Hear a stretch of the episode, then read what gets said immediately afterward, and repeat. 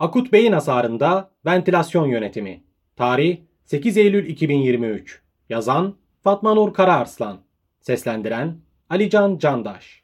Akut beyin hasarı, invaziv mekanik ventilasyon gerektirebilecek travmatik beyin hasarı, subaraknoid kanama, intraserebral kanama ve hipoksik iskemik beyin hasarı gibi farklı alt türleri kapsayan heterojen bir kliniktir. Her bir klinik senaryoda hasta için optimal mekanik ventilasyon ayarlarının yapılması bazı zorluklar içermektedir.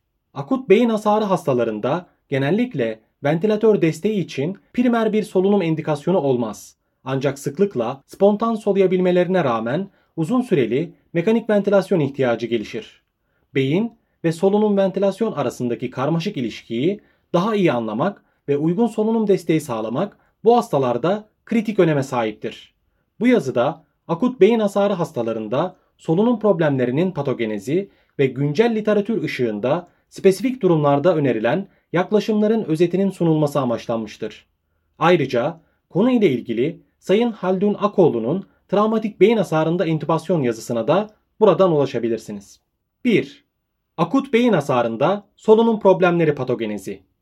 Beyin sabit hacimli bir kemik yapı ile çevrilidir ve beyin hacmini etkileyen herhangi bir değişiklik kafa içi basıncında bir artışa ve belli bir eşiğin üzerinde kan akışının bozulmasına yol açar. Beyin perfüzyonu serebral kan akışını sistemik basınç ve metabolizmadaki değişikliklere karşı dengede tutan serebral otoregülasyon mekanizmaları tarafından sıkı bir şekilde düzenlenir. Parsiyel karbondioksit basıncı düzeyinde değişiklikler serebral otoregülasyonu etkiler. Hem hipokapni hem de hiperkapni sırasıyla vazokonstrüksiyon ve vazodilatasyon yoluyla perfüzyonda azalmaya yol açarak serebral iskemiyi indükleyebilir. Hiperkapni bu yolla intrakraniyal basınç artışına da yol açabilmektedir. 1.1 Disregüle solunum merkezi fonksiyonları Akut beyin hasarında solunum disfonksiyonu yaygındır ve solunum merkezlerinin bozulan işlevlerine bağlı solunum paternlerinin düzensizliğinden veya akut akciğer hasarından kaynaklanabilmektedir.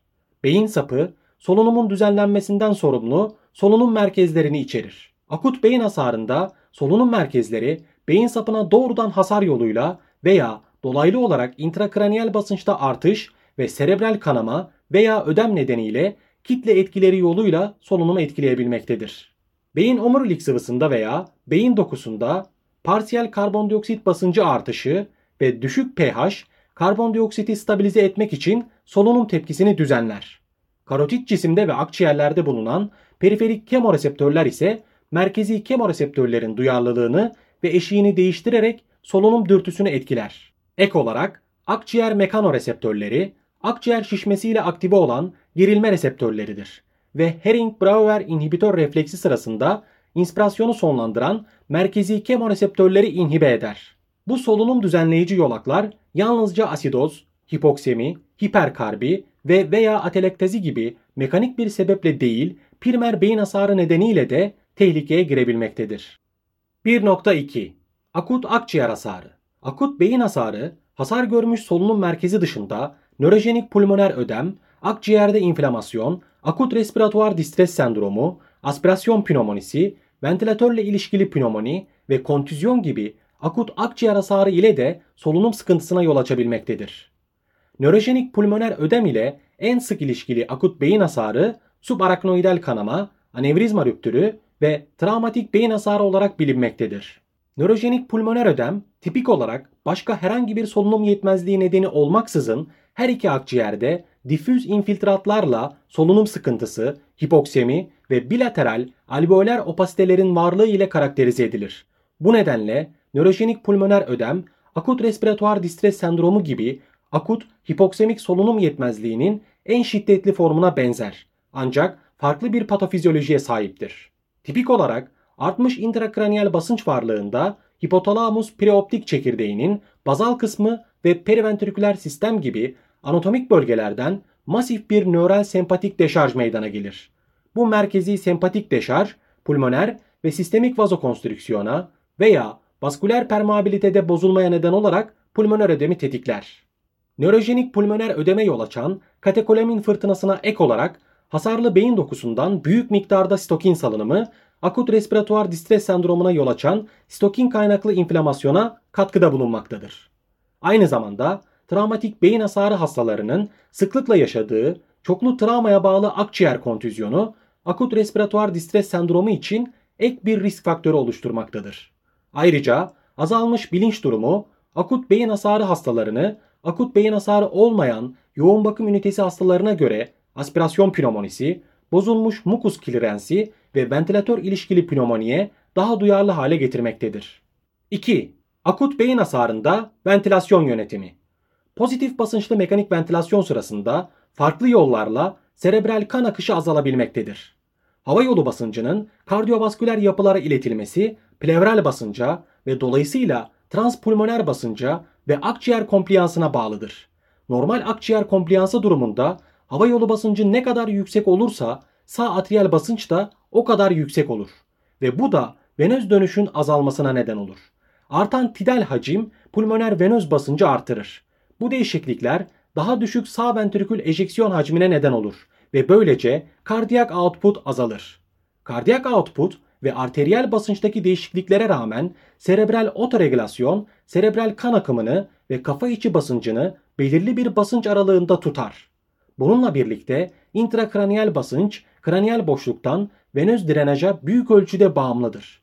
Artan sağ atriyal basınç ile pozitif basınçlı ventilasyon kraniyal boşluktan venöz dönüşü azaltabilir ve böylece intrakraniyal basınç artışına katkıda bulunabilir. Pulmoner kompliyans bozukluğu olan hastalarda, örneğin şiddetli ARDS gibi durumlarda pozitif basınçlı mekanik ventilasyonun alveoler basınç ve transpulmoner basınç üzerindeki etkileri genellikle zayıflar. Hipoksi ve hiperkapni pulmoner arter basıncını ve pulmoner vasküler direnci artırarak sağ ventrikül art yükünü arttırır. Parsiyel karbondioksit basıncı, parsiyel oksijen basıncı ve hidrojen iyonundaki değişiklikler ayrıca kemoreseptörleri solunum dürtüsünü düzenlemek için solunum merkezine sinyaller göndermek üzere tetikler. Serebral dolaşım düzeyinde hiperkapni serebral kan akımını artırırken hipokapni zıt etkiye sahiptir. 2.1 Oksijen ve karbondioksit hedefleri Akut beyin hasarı hastalarında oksijenasyon hedeflerinin güvenlik aralığı belirsizdir. Güncel çalışmalar oksijen desteğinin üst limitten verilmesini desteklemektedir. Avrupa'da gerçekleştirilen çok merkezli ve büyük bir gözlemsel çalışma olan Center TBI çalışmasında yoğun bakım ünitesine kabulünden sonraki ilk hafta boyunca en yüksek parsiyel oksijen basıncı medyan değerinin 134 mm civa olduğu ve maksimum ile ortalama parsiyel oksijen basıncı değerlerinin olumsuz fonksiyonel nörolojik sonuç veya 6 aylık mortalite için bağımsız risk faktörü olduğu saptanmıştır. Bununla beraber kötü sonlanım için parsiyel oksijen basıncı üst limit değeri belirlenmemiştir. Ancak 60 ile büyüktür 300 mm civa arasında değişen parsiyel oksijen basıncı seviyelerinde sonlanım açısından anlamlı fark saptanmayan çalışmalar da literatürde mevcuttur.